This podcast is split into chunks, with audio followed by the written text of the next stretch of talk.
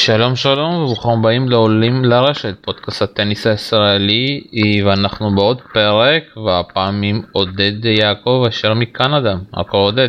אה, שלום לכולם, שלום שלום.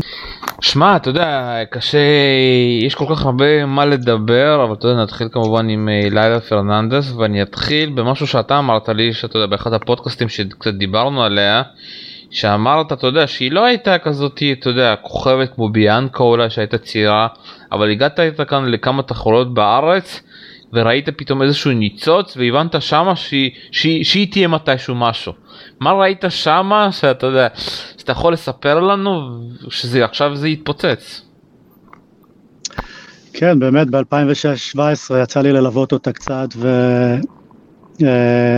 וראיתי את הדרך שהיא מתחרה. ו... היו כמה מצבים בכמה משחקים שפשוט אה, למדתי לראות משהו מאוד מאוד מיוחד ביכולת התחרותית שלה, בקשיחות המנטלית שלה וביכולת שלה לשחק כל נקודה ולהיות בהווה אה, עם רוח לחימה יוצאת מן הכלל, בלי קשר מה היה בנקודה הקודמת. ובעיקר האומץ לב הזה לצאת ממצבים מאוד מאוד קשים, ושאף פעם שום דבר לא אבוד. ואלה תכונות שקשה מאוד ללמד אותן, זה תכונות שהן בתוך ה-DNA שלך, וזה בעיקר מה שיושים אותי אה, בשבועות האלה שליוויתי אותה. אה, היכולת הזאת באמת אה, אה, להתחרות בצורה מאוד מאוד קשוחה, ומעבר לזה, באמת יש לה כמובן עבודת רגליים יוצאת מן הכלל, יש לה יציבות גדולה מאוד. אה, יש חבילה כזאת ללא נשקים וללא דברים יוצאים דופן, אבל הכל היא עושה לא רע. בוא קצת תספר קודם כל בהתחלה, אתה יודע, קנדה, אתה יודע, כל, כל השחקנים בקנדה הם, אתה יודע, מעורבים קצת, אמא מפה, אמא משם, בוא קצת למי שלא מכיר גם את הסיפור שלה, איך, מתי התחילה לשחק, איך הגיעה בכלל כל ה... העניין הזה לכל המעטפת הזאת של קנדה? אה, תראה, הם, הם משפחה של אה, מהגרים, האימא מהפיליפינים והאבא מאקוודור. ותראה, הם הגיעו לקנדה כי קנדה באמת אה, יכלה לקלוט מהגרים ואפשרה חיים נוחים. סך הכל יכולת גם למשפחה להתקיים, להתבסס אה, ולפתח אפילו ספורט, שתי ספורטאיות, אגב גם האחות של, אה, אה, של לילה משחקת, שמה ביאנקה, וגם היא מנסה את כוחה. אז אני חושב שסך הכל הם מאוד מודים, הם מאוד מודים על הקטע הזה שנקלטו במדינה כזאת והתאפשר להם מה שהתאפשר להם. כן,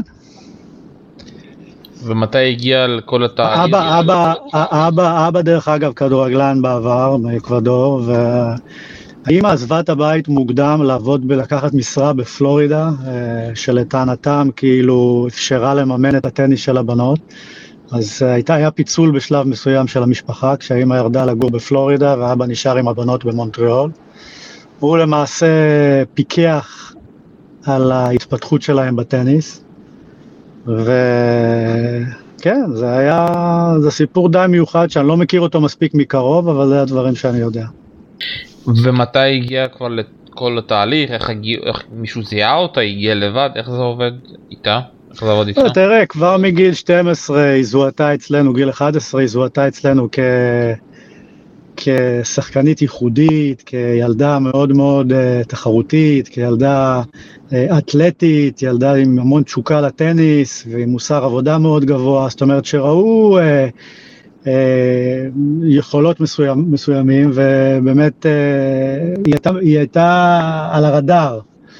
אבל בין זה לבין אה, בגיל 19 להגיע לחצי גמר US Open והיד עוד נטויה, זה דברים שקשה לחזות אותם, בעיקר כשמדובר לפני גיל ההתבגרות. אבל... אה, אבל אתה יודע, אנחנו, אנחנו אומרים את זה גם על ביאנקה, אנחנו אומרים עכשיו גם על, אה, כאילו, אני מדבר על אנדרסקו וגם על פרננדס, אבל אתה יודע, אני מרגיש כאילו, ואתה יודע עכשיו פליקס גם בחצי גמר, אבל אתה יודע, אני מרגיש שהם מאוד מגיעים לשלבים האלה כבר מבוגרים בגלל ששלחו אותם מאוד מוקדם, אתה יודע, מאוד מוקדם, הם כבר היו, חיו חיים מקצוענים, אתה יודע, עם פליקס אני זוכר כבר 14-15, הוא כבר היה שם, הוא כבר חווה את זה. אה, גם ביאנקה אתה אמרת את זה, לילה אני קצת לא יודע, אבל אני מרגיש שההבדל ביניהם, אתה יודע, לשחקנים אחרים, ואולי אני יכול להשוות את זה קצת, אתה יודע, לרוסים האלה, שזה רובלב, חדשנוב ומדוודיף, שהם תמיד היו בנוער ביחד וכל אחד ככה משך את עצמו, שהם כבר מגיל מאוד קטן, אתה יודע, הם נמצאים כבר בכל החיים המקצוענים האלו, והם כבר יודעים איך להתנהל.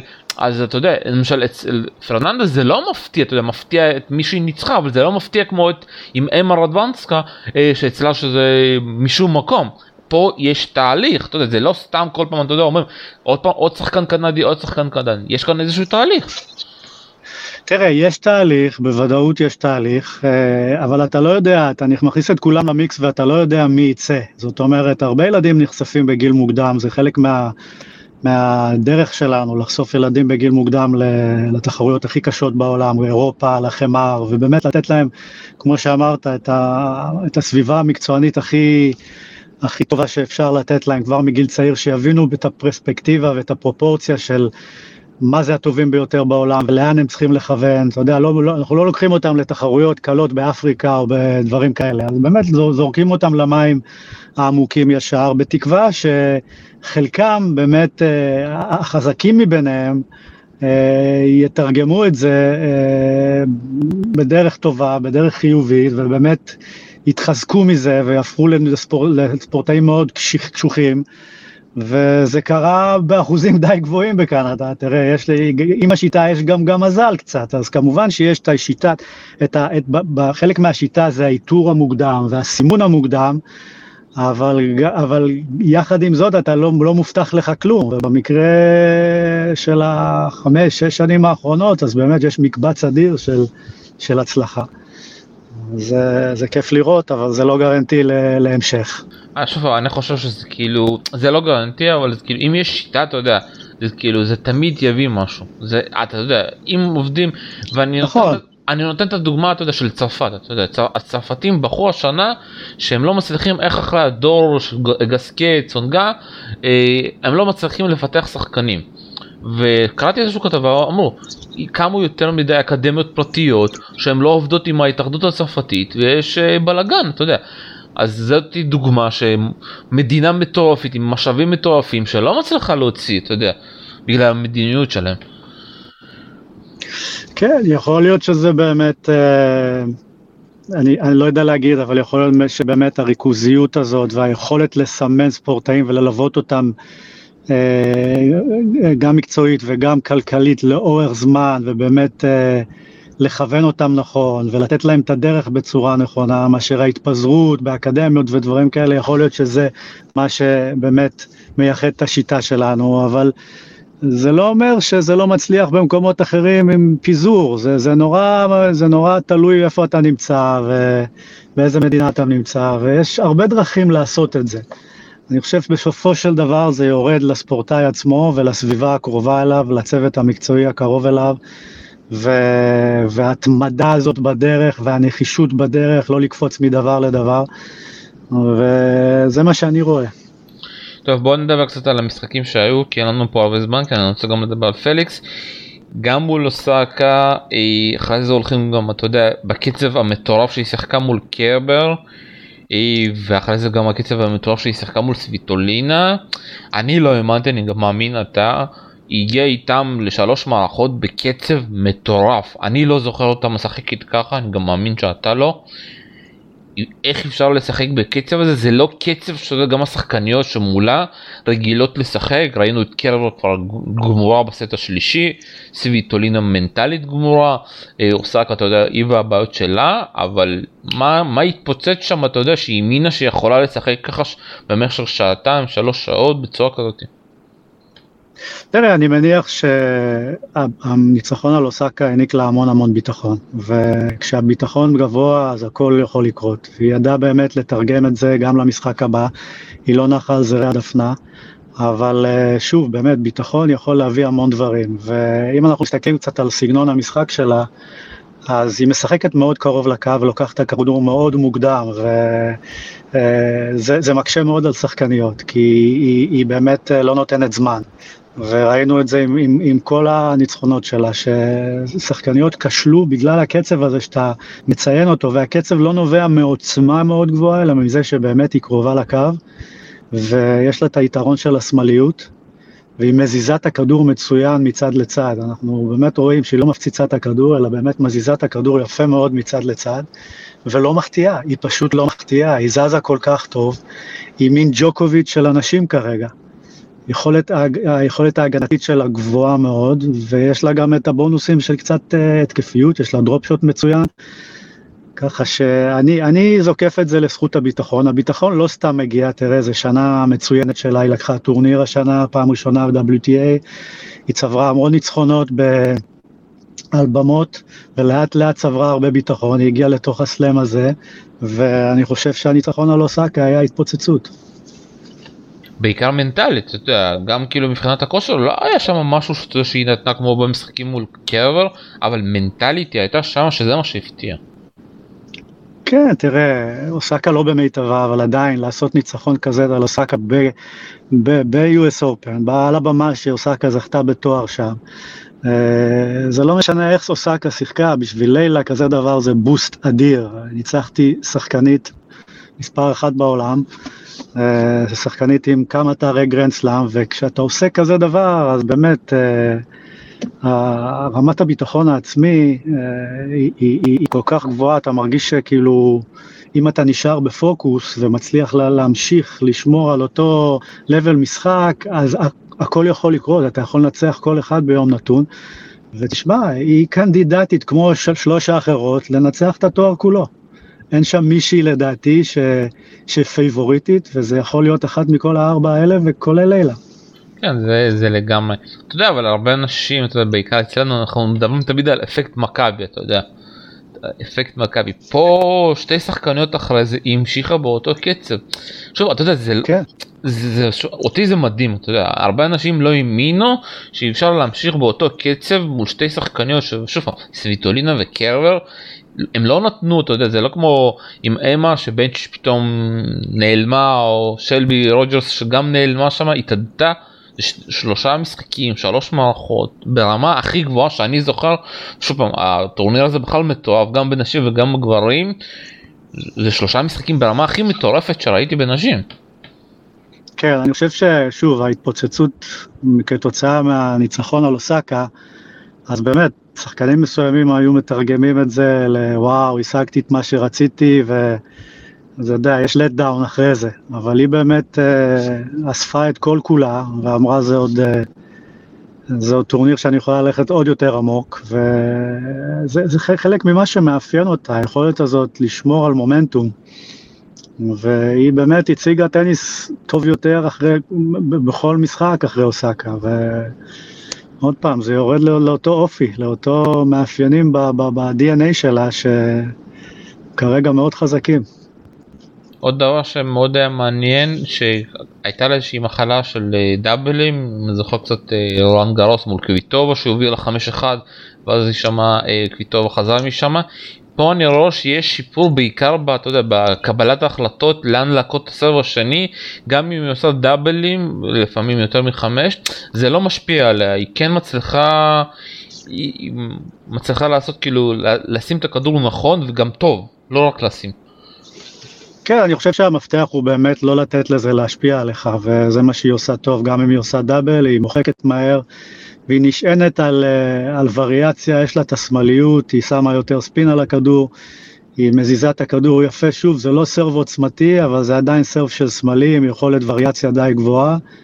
ושוב פעם, כשהביטחון שלך מאוד מאוד גבוה, אז גם כמות הדאבל פולטים שלך סך הכל יורד. טוב עכשיו מאוד מעניין לאן היא תגיע. אנחנו כמובן מקליטים לפ... לפני החצי גמר שלה. בוא קצת נדבר על פליקס. דיברנו אתה יודע בווימבלדון על טוני נדל ואמרת שזה תהליך ואני מרגיש שהתהליך ממשיך. וגם אתה יודע בעיקר שפליקס מצליח ככה להוציא את כל הרחשים מסביב ולשחק את הטניס שאנחנו מכירים שהוא משחק טוב אתה יודע כמו עם באוטיסטה גוט החמש מערכות אחרי זה מול טיאפו אתה יודע, להיות במשחק, לא להיעלם לכל מיני מקומות, גם אם הוא נעלם, הוא חוזר, וזה, אתה יודע, בשבילי זה כאילו כיף ככה לראות את uh, פליקס חוזר לעצמו ולא נעלם, אפשר להגיד. כן, בואו לא נזכור, בואו לא נשכח שהוא סך הכל בן 21, והקצת עליות וירידות האלה שהיו לו, הם uh, כמובן חלק מתהליך ההתפתחות, ואני חושב שהתוספת של uh, טוני נדל לצוות היא באמת uh, נותנת לו שקט נפשי ונותנת לו איזה מימד של uh, ביטחון ושל ניסיון שמרגיעים אותו.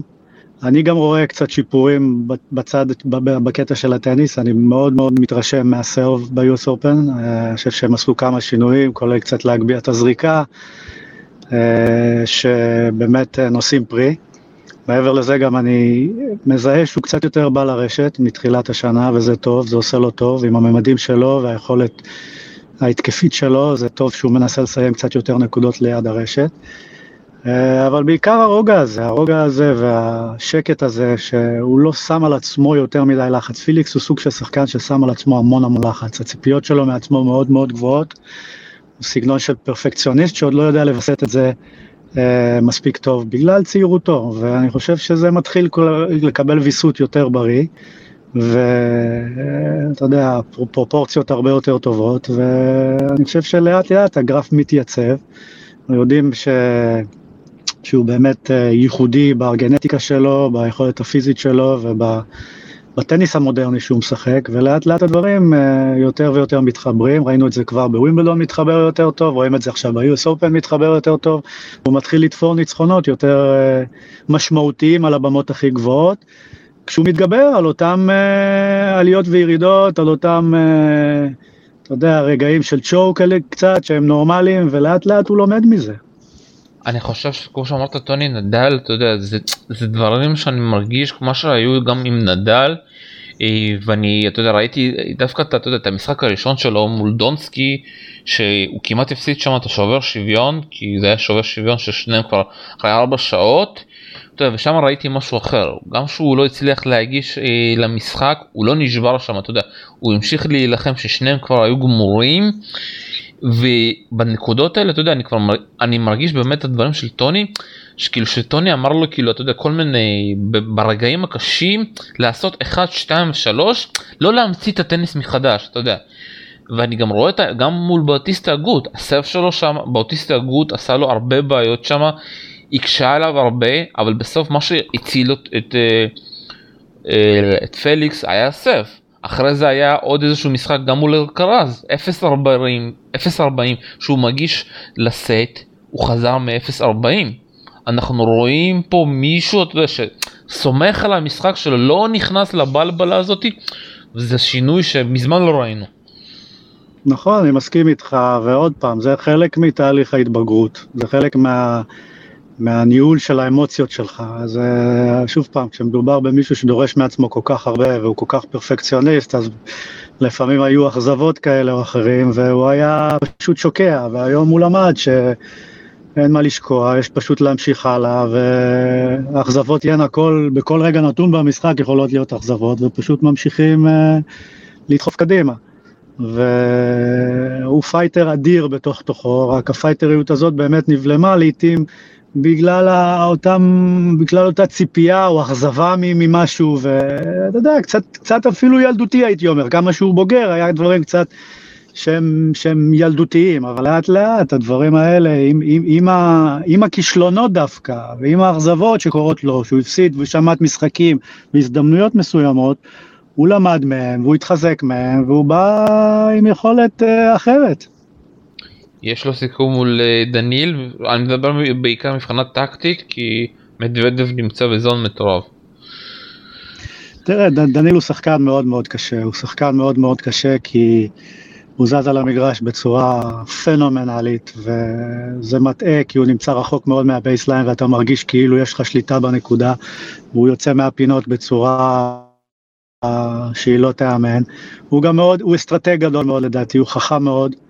והוא קורא מאוד את המפה, מה קורה ליריב גם מבחינה טקטית, גם מבחינה אמוציונלית, ככה שזה יריב עיקש, אני חושב שפליקס יצטרך לתת את משחק מעולה בשביל לנצח אותו, יצטרך להיות הרבה ברשת לדעתי, אה, ולא רק לנסות לנגח אותו מהקו האחורי, כי משם דניל באמת, אה, באמת, באמת קיר, אז הגיוון הזה, ולהביא את דניל קדימה גם, דניל לא אוהב להיות כל כך ליד הרשת, כל הדברים האלה יצטרכו להיכנס ככה לתוך המשחק של פיליקס, וכמובן אותה קשיחות, אותה נוקשות, אותה נחישות אה, לאורך זמן, כי זה שחקן שלא, שלא ייעלם, הוא לא ייעלם לאורך כל המשחק הזה, אז אה, משחק מאוד קשה, אבל הדלת פתוחה לשניהם.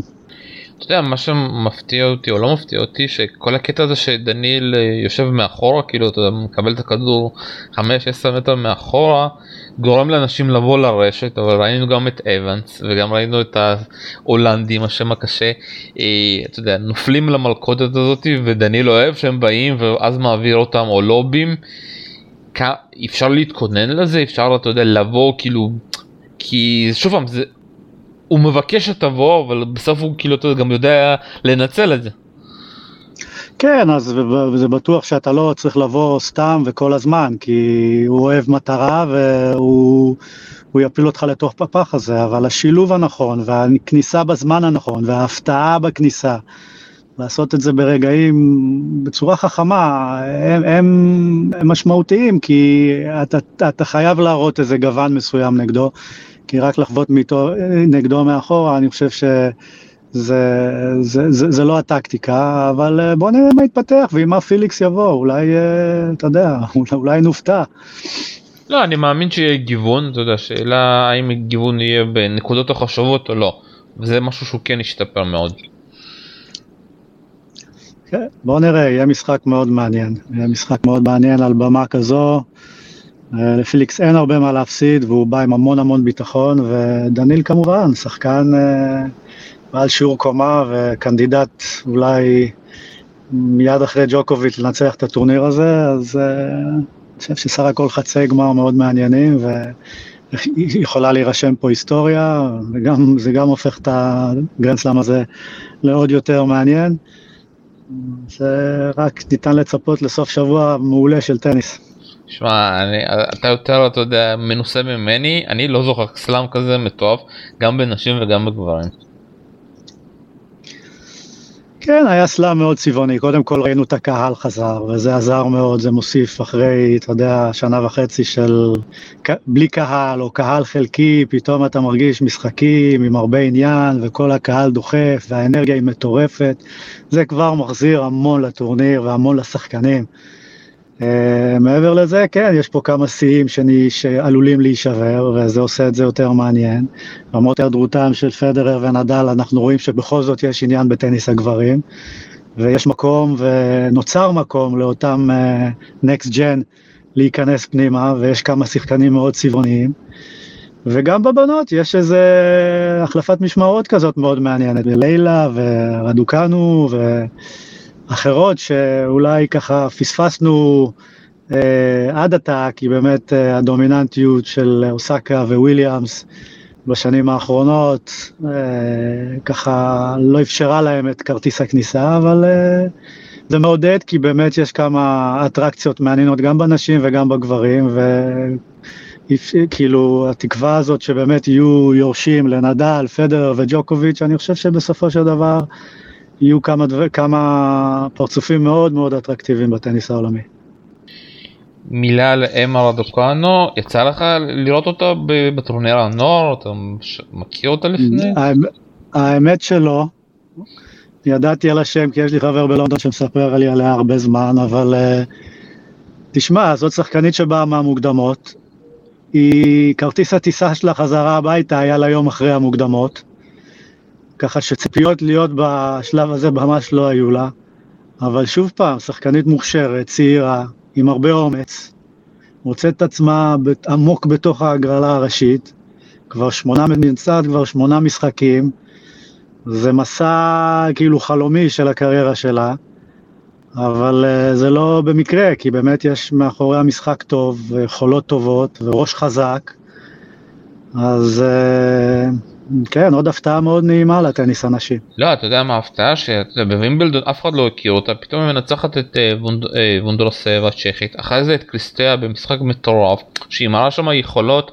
שמישהו יסתכל עליה להגיד לא הגיוני ואז היא עושה פה את הריצה הזאת ושוב פעם חייב להגיד אה, הגרלה נפתחה לה הייתה צריכה לקבל את בריידי שנפצעה אחרי זה גם ברטי פתאום עפה והיא מנצלת עוד ועוד בצורה די קלה והיא ושוב פעם כמו שאתה אומר אין איזשהו אה, אתה יודע, סיסמה או נוסחה איך לגדל טניסאי לכל אחד יש את הדרך שלו ובגלל זה גם אנחנו אוהבים את הענף הזה.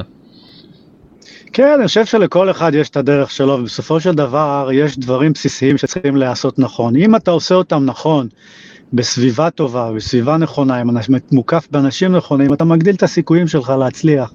אבל קודם כל לעשות את הדברים הבסיסיים נכון מגיל צעיר. ואז, אתה, ואז באמת, אה, באמת, באמת כל שיטה יכולה להצליח על פי המקום שאתה גר בו, איפה שאתה נמצא. יש אנשים שנודדים יבשות בשביל לייצר לעצמם סביבה יותר טובה. אבל אותם דברים בסיסיים צריכים להיעשות ולהיעשות יום אחרי יום במשך שנים. אתה חושב על הנדל, אתה חושב על לילה, אתה חושב על פיליקס, הם עושים את הדברים האלה 10-15 שנים, יום אחרי יום, בצורה שיטתית, עם סבלנות ועם סבל, וסופגים הרבה, הרבה אכזבות, אבל ממשיכים וממשיכים וממשיכים, אין מילת קסם פה.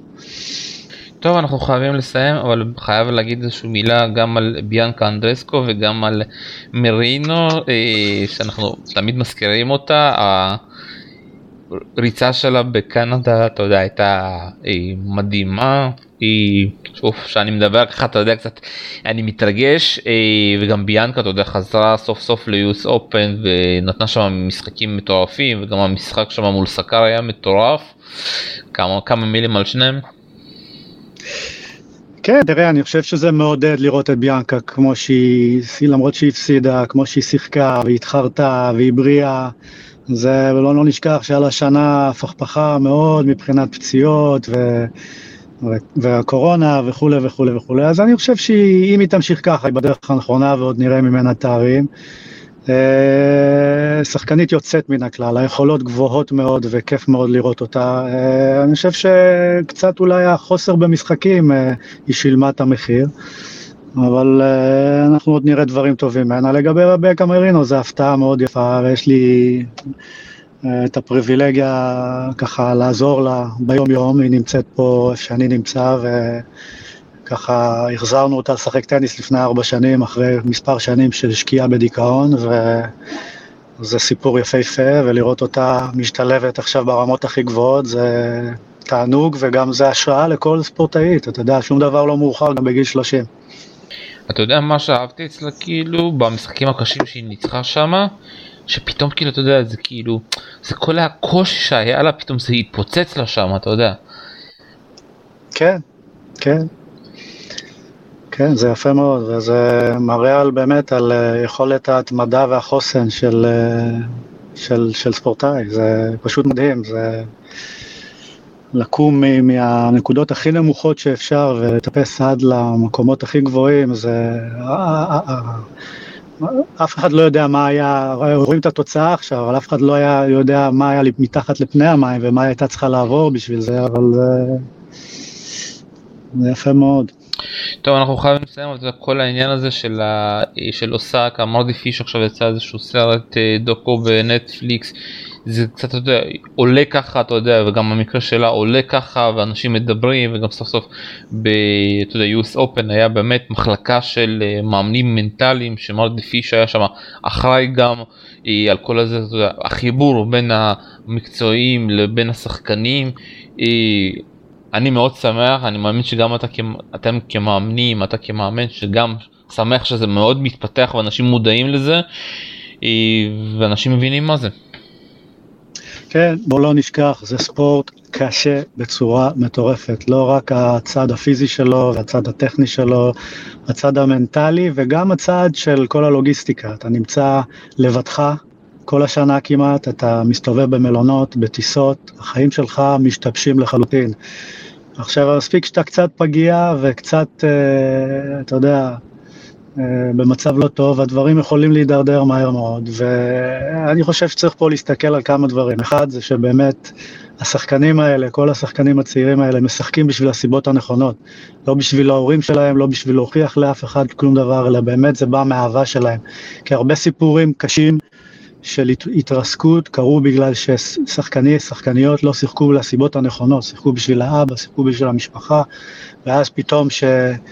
שהם מצאו את עצמם באיזה מקום מסוים למעלה, ההתרסקות הייתה קשה מאוד. אז אני חושב שזה דבר חשוב, ואני חושב שהדבר של לתחזק כל הזמן את הצד המנטלי בעקבות שזה ספורט אינדיבידואלי, ואין לך קבוצה ואין לך אה, אה, חברים לקבוצה שתומכים בך, אז התחזוק פה הוא מאוד חשוב וצריך לשים לב לזה כל הזמן. טוב, ובדיוק באתי לסיים את זה. עודד יעקב, תודה רבה לך. בבקשה, תודה. כאן היינו בעוד פרק באלוהים השם, תודה רבה לכם, ביי ביי.